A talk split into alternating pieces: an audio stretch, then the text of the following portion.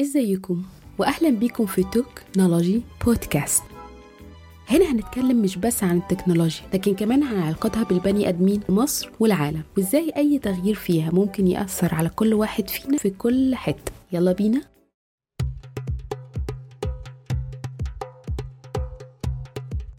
إزيكم؟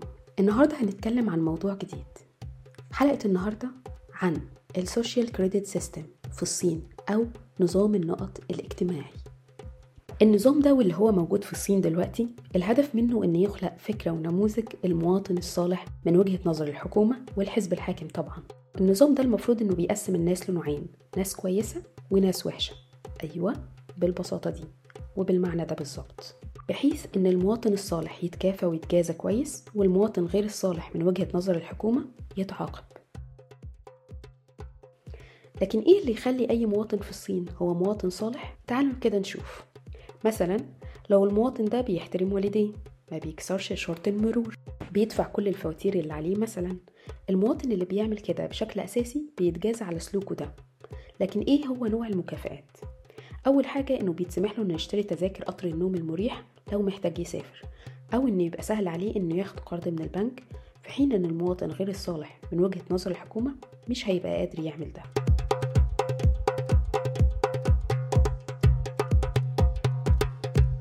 لكن تعالوا نعرف إيه اللي يخلي أي حد في الصين مواطن غير صالح. أول حاجة مثلا إنه يغش في امتحانات التقديم للجامعة. يحمل أفلام بطريقة غير قانونية. أو اللي مراته خلفت أكتر من عدد الأطفال اللي الدولة سمحت لهم بيه.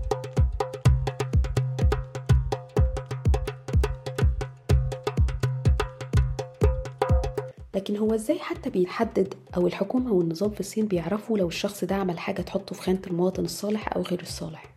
كل ده بيتم عن طريق نظام وتكنولوجيا متطورة. تطبيق لازم كل المواطنين في الصين يحملوه. والتطبيق ده في أوقات كتير ممكن يقترح على الناس هناك إيه الحاجات اللي ممكن يعملوها عشان يحسنوا بيها السكور بتاعهم. التطبيق ده كمان بيقولك لحظة ما بتتحول فيها من مواطن صالح لمواطن غير صالح أو مواطن أهل للثقة لمواطن غير أهل للثقة. الصين قبل ما تقرر تطبق النظام ده على كل المواطنين في 2020 عملت تجربة أولية على سكان مدينة شنغهاي. سكان شنغهاي قبل 2020 كان عندهم تطبيق خاص بيهم اسمه Honest Shanghai أو الشنغهاي المخلص الأمين. التطبيق ده بيشتغل عن طريق إن المواطنين بيعملوا له download بيحملوا يعني وبعدين يعملوا حساب ويسجلوا نفسهم عليه. وعشان كل ده يحصل بيكون لازم لكل فرد هيحمل التطبيق إنه يعمل سكان لوشه. على التطبيق عشان يتحمل عليه ويبقى ما ينفعش نفتح التطبيق في أي وقت غير لما نعمل سكان لوشوشنا. عن طريق التطبيق اللي بتتحكم فيه الحكومة واللي, بترو... واللي بتروح لكل البيانات بتدفع فاتورة الكهرباء وبتتبرع بالدم وبتسجل إن كنت دفعت الضرايب اللي عليك ولا لأ وإن كنت سافرت بالقطر من غير ما تدفع تذاكر ولا لأ. كل ده بتدخله على التطبيق أو بتحجز كل حاجة أنت عايزها عن طريق التطبيق ده. وفي كل مرة تفتح فيها التطبيق بتسجل وشك. التطبيق ده بيجمع الحاجات اللي عملتها الحلوة والوحشة واللي بيعرفها برضو عن طريق ال GPS اللي لازم يبقى شغال والتطبيق بيبقى ليه access عليه عشان يسجل حركتك.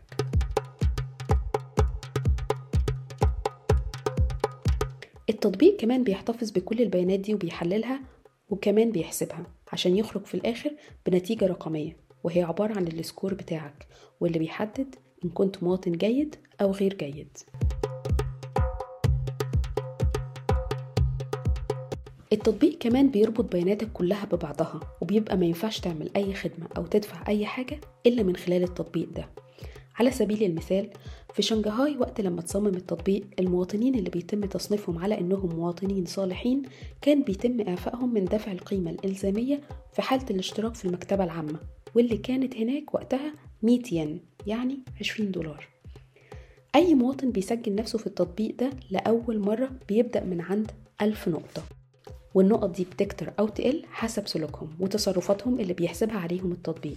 يعني مثلا أي حد بيبقى أعلى من 1050 نقطة على التطبيق ده بيبقى معناه إنه مواطن أكتر من مميز وقدوة وبيبقى مواطن مثل أعلى لغيره للمجتمع اللي عايش فيه.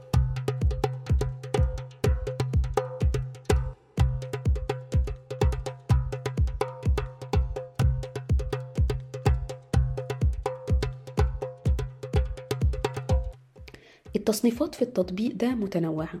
يعني مثلا كل الناس أول ما بتسجل بتبدأ من عند ألف نقطة. لو حد وصل لألف وخمسين نقطة بيبقى triple A. ولو حد وصل لما بين ألف أربعة وأربعين وألف وتلاتين بيبقى level double A. واللي بيتصنف كممتاز. لكن مثلا لو حد وصل لأقل من 849 نقطة فده معناه مثلا إن هو وصل للمستوى C. وده ال level اللي بيسموه المستوى التحذيري واللي بيوصل لأقل من 599 نقطة فده معناه إن مواطن وصل للمستوى D واللي هو ال dishonest وده معناه إنك أنت تحولت لمواطن غير أمين أو خائن للثقة.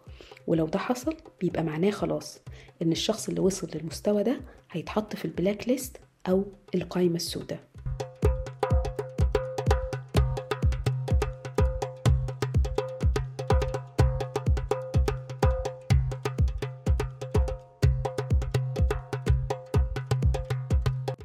القائمة السوداء دي قائمة موجودة بالفعل وأي اسم بيتحط فيها بيوصل بيه نوتيفيكيشن أو تنبيه لكل الناس وبيبقى الشخص ده مستحق للمراقبة الكاملة طول الوقت. اللي بيحصل دلوقتي في الصين إنك لو عديت الشارع غلط في غير إشارتك بتخسر نقط. لو في حد نسي يشيل مخلفات الكلب بتاعه في الشارع بيخسر نقط لو حد دلق مية قدام بيته بيخسر نقط. أي حد بيخسر نقط بيوصل تنبيه فوري لده لكل الناس والجمهور وبتبدأ الناس تتكلم عنه ويحاولوا يتحاشوه أو يتجنبوه لأنك كمان ممكن تخسر نقط لو صحابك أو الناس اللي تعرفهم وبتقابلهم بيتصنفوا على إنهم غير مخلصين على التطبيق مش بس كده التطبيق ده كمان حول كل واحد لرقيب على جاره أو الشخص اللي جنبه ليه بقى؟ يعني مثلا لو أنت شفت جيرانك بيعملوا حاجة التطبيق والحكومة بتصنفها على إنها سلوك غير جيد ممكن تسجلها وترفع فيديو أو صورة للتصرف ده وبكده تكسب نقط زيادة. الموضوع مش بس خسارة أو مكسب للنقط لكن كمان لو في أي فرد منتمي لعيلة أو community معين عمل حاجة غلط وما تبلغش بيها المجموعة كلها بتتعاقب. النقاط اللي خاصة بكل مواطن مش معلنة. اللي بيوصل تنبيه بيهم أو اللي أسمائهم بتظهر للجمهور العام هم المواطنين اللي النقط بتاعتهم قلت ووصلت للمستوى دي. عشان حاجة زي دي الناس في الصين بقت مهتمة تعرف النقط اللي خاصة بأي شخص هتتعامل معاه. يعني مثلا لو رايح تخطب واحدة في الصين مهم جدا الأهل يسألوا من وراك على عدد النقط بتاعتك. وده بيحصل. لما يكون بيعرفوا حد مهم في النظام يقدر يعرفهم إن كان ينفع يكملوا في الجوازة دي ولا لأ. في الوقت التجريبي للنظام ده في 2018 في 17 مليون مواطن صيني اتمنعوا من السفر بالطيارات بسبب النقط المنخفضة والضعيفة بتاعتهم. غير 5 مليون ونص مواطن ما كانوش يقدروا يحجزوا تذكرة في القطر السريع أو قطار النوم بسبب النقط بتاعتهم على السيستم. التطبيق ده وفور تحميله على جهازك بيبقى ليه أكسس على كل حاجة بتعملها واللي على أساسها بيتم تقييمك. على سبيل المثال لو انت عملت مكالمة لواحد اسمه موجود على ال black list غير إن طبعا ده هيخليك تخسر نقط عشان محاولة الكلام معاه. لكن كمان بدل رنة الجرس اللي المفروض تسمعها هتسمع رسالة بتقولك إن الشخص اللي بتحاول توصله اسمه موجود في قائمة الأشخاص اللي خانوا وكسروا الثقة. الشخص اللي بيخسر نقط بتخليه يوصل للمستوى D واللي هو ال black list فورا وفي نفس اللحظة وعن طريق شركة اتعاقدت معاها الحكومة صورة الشخص نفسه بتتحط جوه ال black list بتظهر على الشاشات العملاقة الموجودة في الشوارع والميادين في الصين. بالطريقة دي الشخص اللي اتحط اسمه في ال black list مش هيقدر يستخبى ولا حتى يخبي الموضوع ده لأن بياناته وصورته هتبقى متاحة وقتها في كل حتة لكل الناس. على سبيل المثال في 2018 برضو في واحدة من المدارس في الصين أعلنت إنها مش هتقبل أي طلبات تقديم من أولياء الأمور اللي موجودين في ال black list. يعني مش كفاية إنك بتبقى موجود في ال black list لأ ده كمان الضرر هيعود عليك وعلى عيلتك. الوجود في ال black list معناه إنك مش هتعرف تتعلم كويس ومش هتعرف تدخل مدارس كويسة ولا هتقدر توفر لولادك تعليم مميز. ومش بعيد صاحب البيت اللي أنت مأجره يطردك عشان ال score بتاعك واللي هيأثر على ال score بتاعه بالتبعية عشان مخليك تسكن عنده. وهتترفض عشان ما تأثرش على سمعة الشركة ومش هتلاقي حد يشغلك وهتبقى صعب تاخد مساعدات من الحكومة أو أي حد أو حتى تسافر برا الصين أو تتنقل جواها عشان تدور على أي فرص تانية للشغل والسكن. كونك في ال black list هو عبارة عن حكم بيحولك لكائن عالة جاهل فقير عشان ما التزمتش بقواعد نظام النقط الاجتماعي. النظام ده مش بيسري على الأفراد بس لكن كمان على الشركات. وزي ما في black list للأفراد في red list للشركات واللي وصل عدد الشركات فيها في 2018 لأكتر من 3 مليون شركة. المنظمات غير الحكومية مثلا اللي موجودة في الصين معرضة ومهددة بالإغلاق وإنها تتحط في الريد ليست لو مارست أو أعلنت عن أي نشاط بيهدد سلامة ووحدة المجتمع الصيني للخطر. من وجهة نظر الحزب الحاكم طبعا واللي ممكن يكلفها خسارة 100 نقطة. كمان ممكن تخسر 100 نقطة على الأقل لو المنظمات نشرت معلومات مغلوطة عن الصين. من وجهة نظر الحزب الحاكم برضو. ولو المنظمات دي حاولت في أي لحظة إنها توجه نقد للرئيس أو للحزب الحاكم ده بيعرضها لخسارة نقط كتيرة. لكن زي ما المنظمات غير الحكومية تقدر تخسر نقط بالشكل ده في طرق تانية تقدر تكسب بيها نقط زي إن هم يعملوا خلايا للحزب الحاكم على الأرض. نظام النقط الاجتماعي ده أو ال social credit system مش نظام اجتماعي أو الغرض منه بناء الثقة زي ما الصين بتحاول تروج له. لكن النظام ده غرضه الأساسي التحكم في الأفراد وسلوكهم وخلق عادات جديدة أساسها الخوف من الحرمان من المميزات اللي هي بتعتبر في الأصل. حقوق للمواطنين ما ينفعش حد يتساوم عليها. في الآخر معايير الثقة اللي بيحددها هو الحزب الحاكم مش الناس ولا منظومة قيم متعارف عليها. يعني مثلا التطبيق ده لو رصد إنك شاركت في طقوس دينية غير مصرح بيها ده معناه على الأقل إنك هتفقد 100 نقطة من حسابك واللي ممكن يعرضك للدخول في القائمة السوداء.